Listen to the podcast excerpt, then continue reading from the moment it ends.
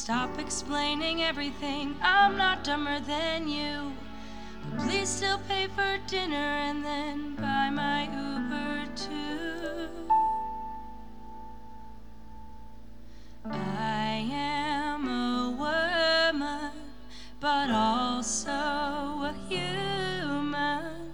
I just want respect, but I also really want some raunchy sex. I said, I am a woman, a complex human. I wanna put you in your place, but I also want you to come on my face. Come on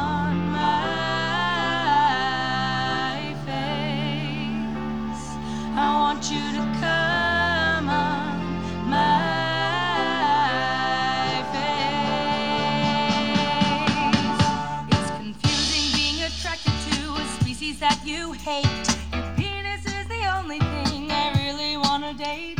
All right. Velkommen tilbake til en ny episode av Adrian i England. Mitt navn er fortsatt Adrian Austevoll. Jeg er fortsatt i England, og det er fortsatt litt lockdown her borte, men det har blitt litt lettere. Og det er helt knaskenæsj. Eh, Forrige uke så ble det ingen episode fordi eh, jeg deltok på, på podkasten Også pasient av eh, Kine Albrigtsen.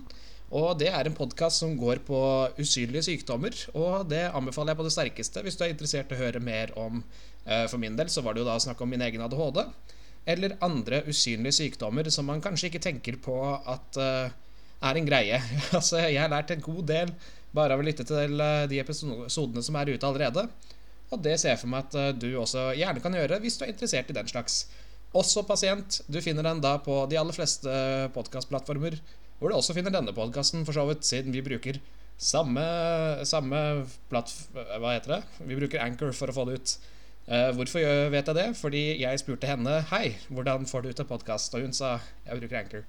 Så jeg har ikke pratet uh, sjæl på en liten stund, og jeg tenker at det egentlig er like greit, men uh, her er vi igjen. Uh, jeg lurer litt på om jeg egentlig skal ha hatt en gjest denne uken her, men eh, jeg eh, har helt ærlig talt bare rotet litt i datoer. eh, igjen vært litt sliten, og det er eh, veldig mye fordi jeg har eh, Forrige helg så dro jeg og besøkte fire forskjellige universiteter for min lillesøster. Siden eh, hun har kommet inn på, på de her borte i London. Og eh, ville bare se fysisk om det var liksom Om det var noen faresignaler, eller altså om det var et eller annet sånn fysiske tegn på at eh, OK, kanskje, kanskje ikke her. og det var interessant. Det var veldig interessant å se de forskjellige områdene. Eh, det var interessant i seg selv å bare se hvor gigantisk denne byen er. Jeg vet jo at den er svær. Men altså, jeg vet jo at det er 9 millioner innbyggere her. Og jeg vet jo det at det er ca. 20 byer rundt London også, hvor eh, det er rundt eh, 100 000 innbyggere. Sånn som Crawley er, så er det vel 140 000. Og det er på størrelse til Trondheim. Men ingen vet hvor Crawley er. De vet hvor Gatwick er, riktignok, så jeg sier alltid at jeg bor rett ved Gatwick. Men, eh, men ja, altså, det er, det er utrolig mange folk her. Og det er mursteinhus overalt. Veldig rart, det også. Altså, det eneste sangen jeg har på hjernen hver gang jeg ser alle husene gå forbi, er den derre She's a break. Ows. She funky funky. Eller hva, hva nå enn de synger der. Uh, veldig pussig å se så mye murstein, og det er veldig vanskelig å vurdere egentlig om det er gammel eller ny murstein. Altså, jeg klarer ikke helt å se det uh, enda. Jeg, begynner altså, jeg klarer å skille på et skittig og et bra område, men selve mursteinen i seg selv som en ting, det er liksom Det kan være nytt, antar jeg. Er vanskelig å si. Uansett, var og sjekket ut eh, fire forskjellige universiteter. Fant, eh, fant ut av ting. Min lillesøster har nå valgt skole, så vidt jeg vet, men eh, tenker at det skal hun få lov til å si selv hvis hun absolutt har lyst til å gå offentlig med det. Ikke at det er noe farlig, men altså, hvorfor fortelle det? Uh, når hun ikke kan forsvare seg selv, holdt jeg på å si. Uh, og jeg er veldig fornøyd med hvor hun har valgt, da. Eh, det var veldig interessant å reise rundt. Altså, et av de stedene jeg sjekket ut, det var f.eks. Roehampton. Og det ligger da ved Putney-området, rett ved Clapham Junction, rett før Victoria Station. Altså det er like ved eh, sentrum-sentrum, liksom. Men eh, Putney-området, det var Altså, jeg har aldri sett så stort klasseskille noen sted. Det var bemerkelsesverdig klasseskille, siden man, eh, man kom av eh, Riktignok ikke på Putney Station, men Barnsley rett etter. Eh, Så går man av der, så går man gjennom et naturreservat. Superkoselig, superfint, et pust av, av natur. Og så går de gjennom et bitte lite sted, så, altså bare sånn hvilket som helst lite forstadish sted. Uh, og så kommer man da til uh, Roehampton, og det er da et bemuret sted med mursteinmur på over to meter med nagler på toppen. Og da mener jeg ikke de der vanlige spikene, altså sånn der i smijern. Siden det, Av en eller annen grunn så ser jeg det veldig mye på barneskoler og sånn, så er det sånn smijernsgjerder. Jeg føler at det ser ut som det er fengsel, liksom, men altså eh, Jeg prøvde å snakke med noen briter om akkurat det, og de bare Nei, men det er jo vanlig. Uh, uansett. Uh, de hadde da mursteingreier med sånne nagleplater på toppen med ekstra mange, mange nagler, da. Som man absolutt ikke skulle få håndfeste til å klatre over. Og jeg tenkte det var litt pussig. Uh, og så gikk jeg bare bortover der, og campus var gigantisk, for det første. Det tok meg ganske lang tid å bare spasere langs én lengde av det. Uh, men så vidt jeg kunne se, da, så var det veldig fine bygg, og på andre siden av veien ved universitetet der så var det sånn fantastiske uh, hoity-toity herskapshus og fancy, dyre biler og masse gjerder overalt. de var riktignok i smijern, men da smijern med gull på og greier. Sånn, der, sånn tullete overdådig. Og så eh, Det var en, sånn, liksom en lang, lang gate da. Så kom man på toppen av den gaten der, og så var det en liten sving. Og plutselig så gikk det da fra liksom Veldig mye hoity-toity til Council Houses. På, det var ingen overgang. Det var liksom Hva, hva nå enn man skal si. Nei, sånn, hva er det det heter? Ikke men rett etterpå. Uh, hva gjelder boligverdi, da. Og altså misforstå meg rett, Council Houses er en sånn super greie, siden det er uh, Det er dessverre veldig lang ventetid, så vidt jeg har forstått, men det er da en trygg bolig for mange med lav inntekt, og det er jo helt supert. Problemet er at de uh, lager sin egen fattigdomsgetto rundt Council Houses. Uh, det var jo masse Council Houses i den gettoen som jeg bodde i, for så vidt. jeg bodde i en vanlig gate, men det var Council Houses rett ved siden av. veldig mange av dem. Og det, altså, det er, igjen, det er ikke noe galt med det. Men det er Jeg har litt inntrykk av at de bare altså, lager sånn Ok, da er det en del cancellases her, og så får de kose seg. Og så at de bare ignorerer dem etterpå, da. Uh, og det var mange uten tenner der, ja. Det var mange uten tenner. Og de med tenner, de var ofte ikke så veldig pusset. Ja, jeg har sett noen i Norge med ikke pussede tenner, men det er veldig unntaket. Her borte altså, Jeg vil ikke si at det er så mye verre tannhygiene her borte. Det er heller bare mer det at folk dekker ikke til tannproblemene sine. Altså I Norge, hvis du knekker en fortann, så skaffer du en sånn liten protese, eller hva det enn kalles. Det. Her så bare går de med en knekt fortann og bare lever, lever livet. Det er, det er veldig, veldig pussig. Uh, hun valgte heldigvis ikke der. Men altså, den overgangen mellom rik og fattig Jeg har aldri sett noe lignende. Det var så rart. Jeg, altså, nærmeste jeg kan se for meg, det er litt overdrevet, men hvis jeg har sett det bildet av favelaen i Brasil, hvor det er liksom favela på høyre side. Og så er det tennisbaner og masse kos på venstre side. Og så Ja, det er bare basically et lite sånn eh, treholt eh, som skiller. Det, er, eh, det var nesten litt sånn vibbe. Men hun valgte jo ikke å gå der, så da er det jo like greit. Hun kommer over. Jeg gleder meg masse til å se henne. Mye mer. Samtidig som det blir jo sånn at du må jo få lov til å være student på egen hånd også. Det er jo ikke så fett å være nødt til å liksom sånn derre Åhå, her her er storebror og passer på, ja.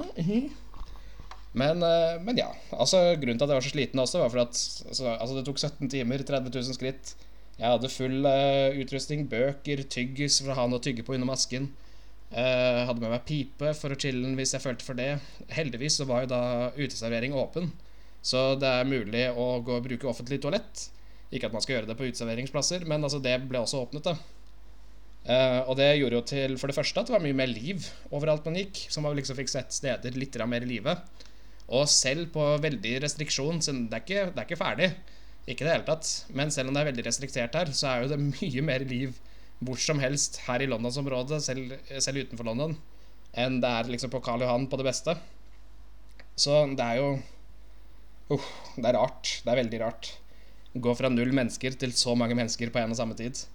Men uh, merker at det hjelper. Det er sånn eksponeringstrening, nesten. Uh, og så får man bare håpe at man ikke får annen type eksponering, da. Jeg våkner jo opp nå hver eneste dag med litt sånn koronaangst, det er jo så forbanna varmt der nede i Syden. Uh, jeg måtte faktisk investere. Jeg måtte spontan investere i en veldig god vifte. Og jeg angrer ikke et sekund på det, siden den er god, og det trenger jeg. Problemet er at eh, det er så varmt om natten her at jeg, og jeg svetter som en donne trengt opp i et hjørne med det samme noen ser stygt på meg. liksom Altså er det én ting Jeg sliter allerede nok med å sove. Hvis jeg ligger og svetter også, så jeg sovner aldri. Jeg bare ligger der som jævla smeltedigel og lider. Men eh, Så jeg har da vifte som liksom feier frem og tilbake på meg, og sånn at jeg endelig sovner. Og så våkner jeg opp tett som faen, og så tenker jeg 'Å, herregud, jeg har korona'. Å nei, jeg har korona. Og så går jeg i dusjen, og så snyter jeg meg, holdt jeg på å si, og så er det ferdig. Forresten, når jeg dusjer jeg, jeg vet ikke om jeg snakket om dette her før. Igjen, jeg følger jo ikke nok med på hva jeg snakker om. Men når jeg dusjer Dette her er meg til alle menn som hører. Har dere sjampo, balsam, dusjsåpe og intimsåpe? Og hvis ikke, hva faen feiler dere? Hva, altså, hva er det som får noen til å tro at to igjen, tre igjen, fire igjen Jeg har til og med sett en fem igjen. Jeg skjønner ikke hva den femte tingen kan være. Er det motorolje?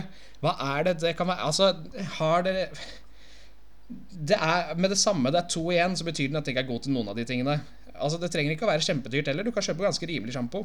Veldig billig sjampo også. Du kan kjøpe First Price til sånn Hva er det jeg kjøpte en for? 12 kroner en gang. Altså I nøden spiser fanden sæd, riktignok, så altså, jeg vil jo investere litt mer i en sjampo. Og altså Det er hygiene. Det er veldig basic hygiene. Og jeg er ikke sånn derre Å, støv på hjernen. Altså Når jeg lager mat, så ser det ut som et bomba øh, Altså det ser ut som en bombet uh, krigssone etter jeg er ferdig på kjøkkenet. Siden jeg bruker hele kjøkkenet, jeg roter så faen. Jeg er ganske sølete av meg. Det er også derfor jeg er så veldig nøye med å vaske meg. Fordi at jeg søler hele tiden. Og jeg Altså Har folk lyst til å være han fyren som går rundt på butikken, og så kan folk smake at han har vært der pga. at han ikke dusjer nok? Jeg, altså jeg bare skjønner meg ikke på det. Man trenger ikke å dusje hver dag, sånn som jeg gjør. Jeg gjør det, og det er feil. Jeg vet at jeg ikke burde gjøre det, men jeg klarer ikke å la være. Eh, det er min greie. Men altså, når jeg dusjer, så bruker jeg de minste produkter som skal, som skal brukes til det det skal. Ja, det må forresten også nevnes. Jeg har en eh, dusj nå med sånn himmelfall fra dusjen på toppen, liksom. Og så har jeg også sånn håndholdt. Så jeg er så ren, for å si det mildt. Fordi eh, den håndholdte, den har ganske bra trykk. Så da er det først å Altså, man såper seg inn, og så eh, lar man himmelfallet uh, gjøre det som det skal gjøre, og så bare er det skvitt, skvatt, skvatt, rett ned på gulvet og gi seg selv en liten sånn uh, bidet treatment. Og åh, det, det hjelper så mye. Altså, der også Jeg tåler jo ikke litt spices engang før det går, før det går gærent. Så det å kunne faktisk være skikkelig skikkelig ren overalt, det er en treat. Og jeg vasker også dusjen min ganske ofte av den samme grunn. Eh, jeg er jo renslig. Altså, det er ikke sånn at jeg går inn med dritt i ræva, liksom, men det er jo digg å få vekk eh, alt, da. Holdt jeg på å si. ja, eh, liten TMI der. Det verste er at jeg tenkte at jeg kunne snakke om mat. Det var liksom den store delen av denne podkasten der, og jeg nevnte nettopp at jeg pleier å skvatte og gi meg selv bidet treatment i dusjen. Kanskje jeg skal uh, prøve å snakke om noe annet. Skal vi se her nå. Uh, jo, jeg har skrevet ned plystring. Uh, nå husker jeg ikke om jeg har nevnt plystring i det hele tatt, men jeg har plystret en del denne uken her, da. Og det er noe som jeg har Jeg liker å bare vedlikeholde mine plystreskills. og det er ikke noe imponerende i det hele tatt. Altså, det er bare helt vanlig plystring. Men Eller ikke helt vanlig. Jeg kan den derre Nå skal vi se. Huh. Er vi klar? Skal vi se.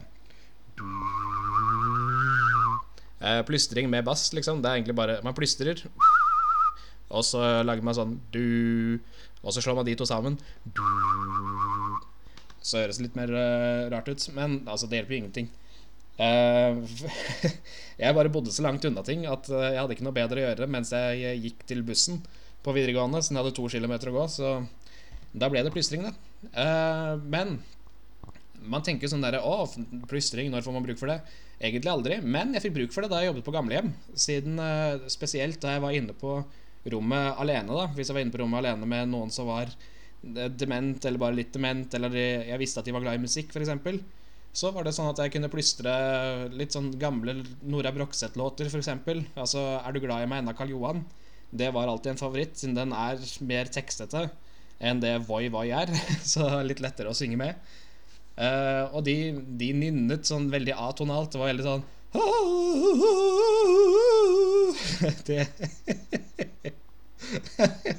Herregud, jeg hadde helt glemt hvor dårlig det hørtes ut.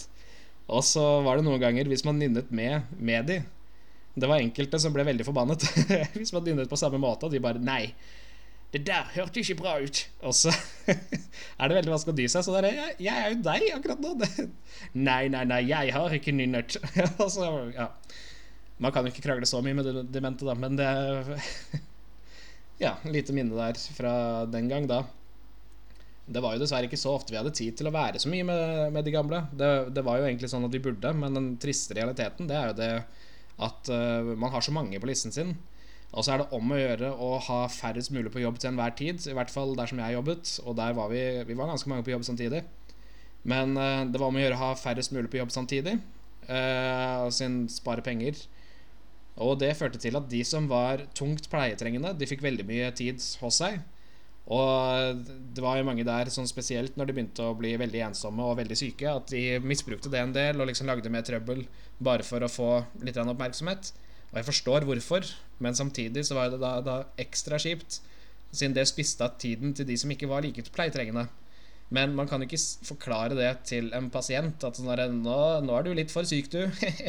Skulle gjerne vært litt mindre syk, siden jeg har en annen som er litt mindre syk enn deg. Eh, så man må liksom bare tåle det, da. Men uh, det, pluss at de døde hele tiden, det var liksom Ja, det, det gikk på samvittigheten løs til slutt.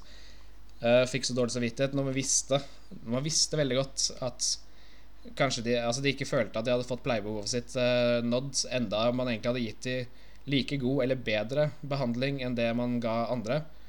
Så kunne de selv føle at de ikke fikk nok, og så måtte man bare gå siden man hadde neste på listen. Man hadde ikke noe annet valg.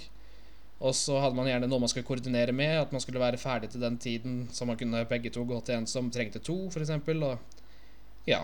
Altså, selvfølgelig, det er jo sånn litt hjemmel for å vente, da. Men jeg likte ikke Jeg likte ikke den delen heller. Og, men eh, det jeg likte minst, det var jo det at jeg ble så glad i det. Og så døde de. Men, men. Eh, over til noe mat. Eh, apropos Jeg for min del, jeg eh, har eh, alltid slitt med det at hvis jeg har følelser som jeg ikke liker, hvis, noe, hvis jeg føler meg overveldet, hvis jeg føler at ting er dritt, hvis jeg skal feire Alt sammen så er mat veldig relevant til det. da Og denne uken her så har jeg vært egentlig ganske fin på det. Egentlig, det har vært en veldig normal uke. Jeg har bare vært trøtt, liksom. Men det har da ført til at jeg har brukt mye tid og krefter på kjøkkenet. Og en fin greie som jeg har kommet inn i nå, som ellers ville vært helt fremmed, det er at jeg kun spiser to måltider om dagen. Og det funker for min del. Jeg anbefaler ikke det med mindre du har lyst til det, liksom. Altså, spis når, man, spis når du er sulten. Og det er for så vidt det jeg også gjør. Jeg har egentlig bare innsett at jeg ikke trenger frokost så, så fryktelig mye. Og så er det ofte det at når jeg starter å jobbe, så, så jobber jeg jo. Og så glemmer jeg at jeg skal spise, og så kommer jeg på det etter hvert, og så spiser jeg. Og neste måltid da som er naturlig å ta, er middag. Så da, da blir det de to, da, liksom. Eh, men i hvert fall. Jeg har spist eh, mye god mat i det siste. Tenkte Jeg tror jeg skal gi noen uh, veldig enkle oppskrifter på hvordan lage mat til én. Det er en jævla trist setning å si, men faen Hvis du har lyst til å lage samme maten til flere, så er det jo bare å øke ingrediensmengden. Så ordner jo det seg. Uh, en av de tingene jeg virkelig lagde bra her en dagen, det var at jeg lagde en veldig god omelett. Og det var superenkelt, egentlig. Altså, jeg gjorde ikke noe spesielt i det hele tatt. Jeg tok uh, tre egg, knakk det oppi en, en kaffekopp. Ikke med kaffe i, den var, den var tom, den var ren. hadde vært Hadde kaffeomelett vært godt? Nei. Nei, Adrian, det hadde ikke vært godt i det hele tatt. Eh, nei, det hadde ikke vært godt. Men tre egg, du bare kakker det, og så får du det oppi en kaffekopp, og så bruker man en gaffel. Eh, shaker det løs, altså man bare visper det da med gaffel. Og så tar man oppi salt og pepper. Uh, visper det enda litt mer, og så tar man oppi en god glugg med melk. Og den melken som jeg bruker her borte, det er uh, Den er rød. Jeg vet da faen hva den heter. Skimmed eller noe. Det smaker veldig likt som lettmelk, så det er ca. lettmelk i, i Du burde ha til den, den oppskriften her, I guess. Uh, eller altså, Den er ikke like lett som lettmelk, men er heller ikke like tung som helmelk. Så det er vel en, en rød mellommelk, antar jeg. Uh, uansett, så bare tar en god glunk med melk oppi samme koppen. Og så tar du uh, litt salt, pepper og bitte litt chilipulver også. Og så bare visper du det godt sammen. Smeller oppi en allerede varm stekepanne med smør i. Eh, ikke så mye smør, for så vidt. Altså, så mye smør du føler for. Jo mer smør du har, jo mer kloggete årer, men også jo bedre smak. Så du vet, you win some, you lose some. Eh, men den store hemmeligheten i hermetegn, det var greddost. Greddost har virkelig gjort seg i omelett. Det viser seg bare å være det, det tits, rett og slett. Så da, altså, da hadde jeg altså salt, pepper, eh, melk, salt, pepper, chilipulver. Og så smalt jeg det da i, eh, i pannen. Hadde greddost, og så hadde jeg bare en uh, tysk salami. Smaker veldig liksom Grilstad-salami. Revet i biter. Mye fordi jeg hadde kun én salamiskive igjen, så jeg tenkte hvorfor ikke bruke det opp. Uh, stekte det til uh, nesten som en pannekake. Så når du føler at pannekaken nå begynner å bli ferdig på ene siden, så da vippet jeg omeletten i halv. Og så liksom la det sånn at den var foldet oppå hverandre. da Og så stekte jeg det litt til, og så flippet jeg rundt, og så stekte jeg litt til der. Og så var det egentlig bare det, med, med en glass melk ved siden av. Og det var superenkelt. Tok noen få øyeblikk. Jeg hadde litt gressløk på, tror jeg. Ja, litt gressløk, bare fordi det ser fint ut. Smaker godt. Og det var veldig godt. Superenkelt, superbillig, superenkelt og supergodt. jeg kan ikke selge kokebøker, men jeg skal prøve to uh, oppskrifter til. så skal vi se åssen dette går. Jeg har jo jeg begynte å lage mye mat med nesen fordi uh, jeg kjeder meg kreativt. Og så er det i hvert fall en idé. Jeg lagde meksikansk gryterett fra bunnen av ved et uhell forleden. Um, og da brukte jeg egentlig bare nesen, men det som uhellgreien var, da, det var at jeg prøvde eh, Jeg skulle bare se åssen det funket å koke ris i stekepannen sammen med alt annet. Så jeg stekte opp uh, diverse løker og noe sopp, tror jeg, og noen sånne enkle biffkuber. Man kan kjøpe sånn frosne biffkuber her borte. Så super dårlig kvalitet på alt. Uh, og så hadde jeg da litt uh, kyllingbuljong som jeg kokte opp for seg selv i en så bitte liten uh, kjele. Slang det oppi sammen med noe brun ris etter at jeg hadde rense, vasket av risen.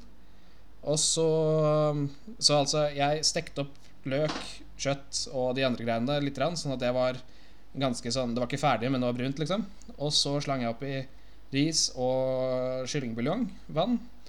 Og satte ned varmen og lot det bare sitte der og simre egentlig ganske lenge. Og så slang jeg oppi alt mulig slags piss. Sånn Altså, jeg hadde alt slags krydder som jeg kunne finne. Masse paprika, masse chili.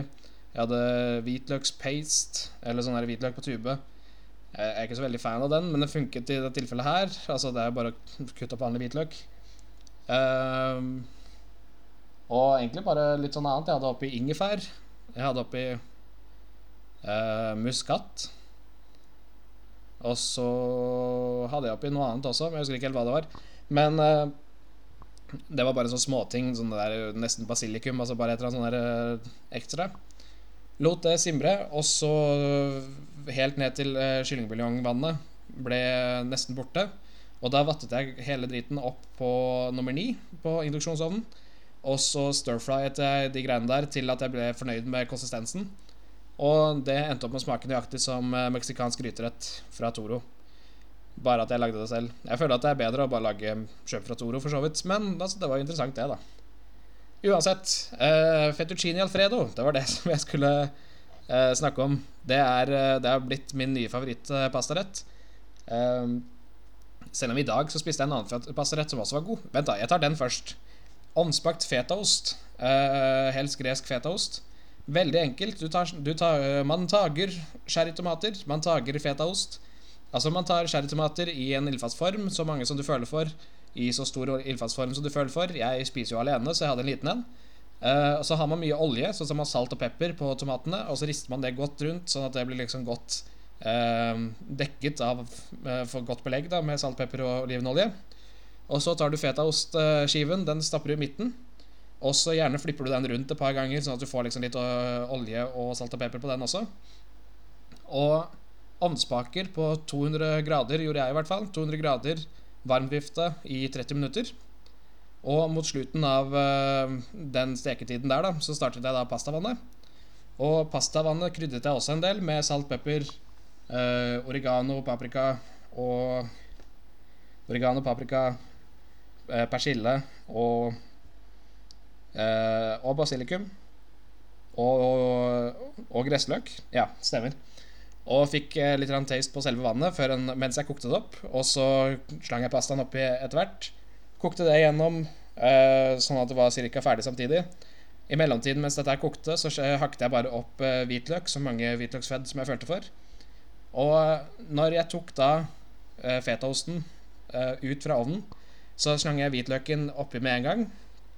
Og så tok jeg da pastaen og liksom på vei til å slå ut vannet i, via døreslag, så skulpet jeg litt pastavann også oppi ildfaste formen. Eh, eh, så da fikk vi liksom pastavann med litt ekstra smak i. Oppi der, og så slo jeg ut resten av pastaen. Slang det oppi ildfast form igjen, og så bare blandet alt sammen sammen til det begynte å se deilig ut. Og det var the tits. Og det, var, det er også noe som er med fettuccine alfredo, som er viktig å huske, og bare ha litt pastavann oppi. Men veldig mye enklere å lage. Man, tar, man tager fettuccini. Uh, man koker opp uh, pastavann, og mens man gjør det, så kan man steke opp alle de greiene ekstra man vil ha. Så jeg for min del jeg hadde kylling, sjalottløk, uh, gul løk, rød løk, uh, sopp, tror jeg det var. Bare sånn veldig enkelt, bare for å fylle opp litt ekstra. ekstra attåt. Stekte opp det i en egen panne. Da det var ferdigstekt, så tok jeg det opp i en tallerken, den samme tallerkenen jeg tenkte å bruke under måltidet. Og så tok jeg eh, Og da begynte vannet å koke. Eller altså, da kokte vannet innen den tid. Eh, så da tok jeg fettuccini oppi der. Da saltet jeg Det var selvfølgelig saltet vann, men også med oregano og pepper. Veldig enkelt. Og så startet jeg på alfredoen samtidig. Da tok jeg en stor stekepanne for den. Masse smør, og så tok jeg så mye parmesan som jeg følte for, og så mye krem, eller altså da fløte, som det heter på norsk, eh, tilsvarende, oppi der. Og så hadde jeg litt muskat oppi den også, mens jeg liksom stekte det opp. Eh, muskat har da selvfølgelig nøtter i seg, så prøv å ikke bruke det hvis du, nøtter, hvis du har allergi. Eh, man tar de tre tingene der og bare egentlig blander det sammen til du føler at eh, det ser ferdig ut. Altså man, man ser det når det er ferdig. Og innen den tid så har eh, pastaen rekket å koke igjennom, mest sannsynlig. Så da tar man eh, litt pastavann, slenger det oppi stekepannen, og så slenger man alt de der greiene som man har stekt fra før av, kyllingen, løken osv. Slenger det oppi. Og så slår man ut vannet selvfølgelig på pastaen, og så slenger man pastaen oppi, og så bare blander man det godt. Og fortsetter å steke det på litt sånn her mellomvarm varme, sånn ca. 7 på induksjonsovnen, kanskje 6. Spørs på hva du føler for, eller hva du er komfortabel med. Og så bare blander man det frem til det høres ut som eh, en støvel som sitter fast i gjørme. Og da er det Da er det the tits, rett og slett. Eh, for å liksom finishe den retten der, så tar man gjerne litt ekstra parmesan på toppen, bare for egentlig syns skyld. Og så tar man noe fersk persille, hvis man har tilgang på det. Og da er det, da er det veldig godt. Jeg ser for meg at det kan være flere måter å forbedre den retten på. Eh, men enn så lenge er jeg veldig fornøyd med den oppskriften der. Jeg prøver fortsatt å liksom introdusere nye uh, kryddere og litt sånne ting oppi ting. Men uh, ja. Veldig fornøyd med den fettuccine uh, Hva faen heter det? fettuccine alfredoen. Står helt stille. Uansett, det tenker jeg er mer enn nok. Nå er jeg lei av å høre meg selv, og jeg tenker at det er dere også. Jeg håper at dere prøver ut noen oppskrifter, si, ta gjerne kontakt hvis du vet om noen oppskrifter som hadde vært gøy å prøve. Spesielt hvis du vet om det skulle være noen oppskrifter som har uh, ikke britisk opphav, fordi som nevnt, jeg er helt ræva på krydder her borte. Men altså gjerne oppskrifter som det går an å lage ganske så enkelt her borte i England. da Og da gjerne ikke ting som har veldig norgespesifikke eh, ting. Eh, F.eks. pannekakerøre her borte er jo Altså, man har nesten alt. Utenom vaniljesukker. Jeg finner ikke vaniljesukker noe som helst sted. Jeg var en tur på Scandy Kitchen i går til og med og handlet litt av norske greier. Kjøpte et norsk flagg, forresten, som jeg har hengt opp. Uh, mye fordi at jeg sitter i møter med mange nye tyskere nå, siden uh, det har vært noen omjusteringer på jobben. Og da er det viktig å reppe, føler jeg. Fordi alle andre har glemt oss, fordi sjefen min bare plutselig forsvant. Uansett, jeg får vel en ny, ny sjef etter hvert. Det har bare gått en måneds tid uten. Faen så rart.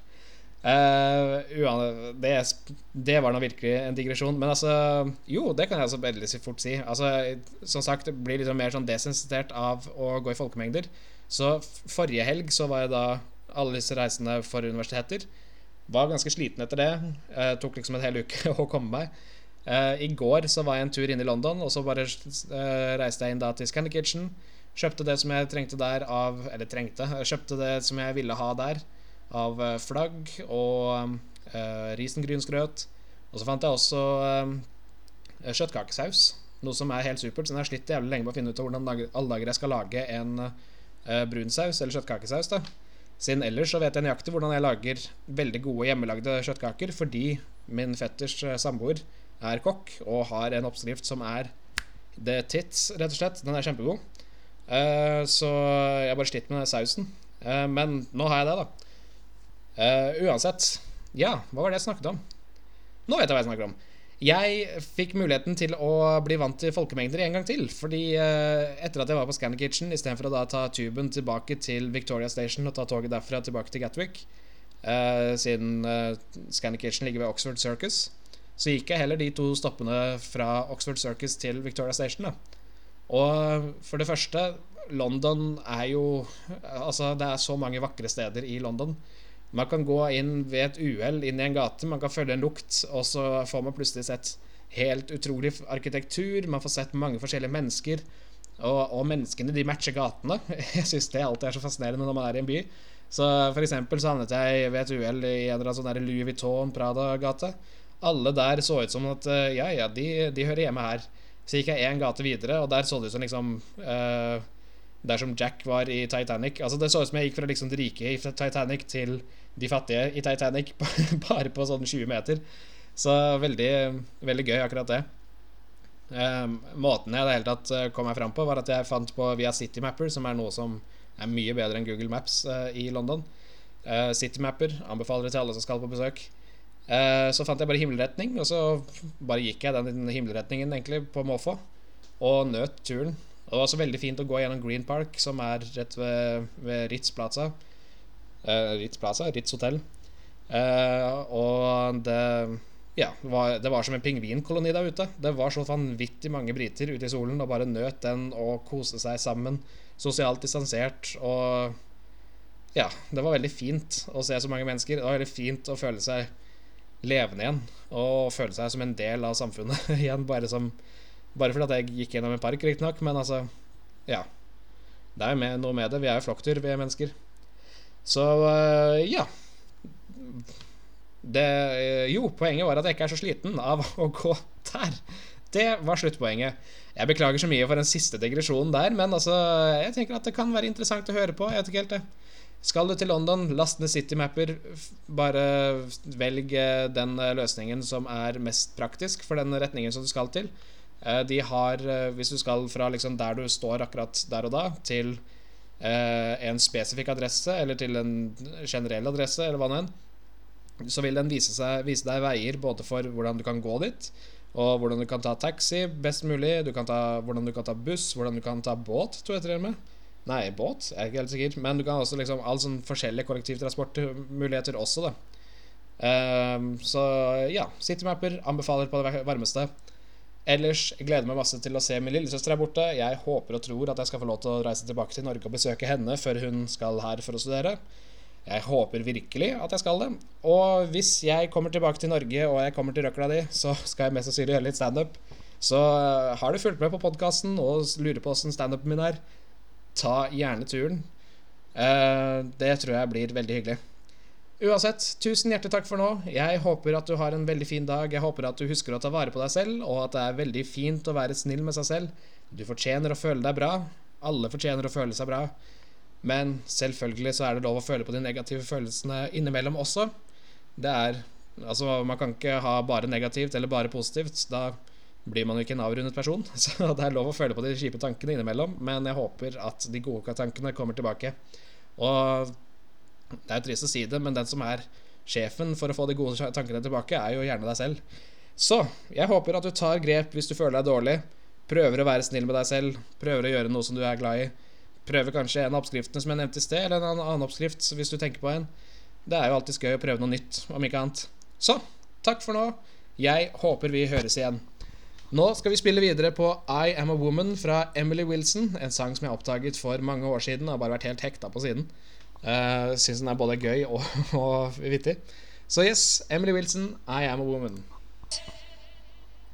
But also stare at my tits. I love the attention. I just hate that it must come with your constant condescension. See, I am your equal, and I wish you'd treat me so.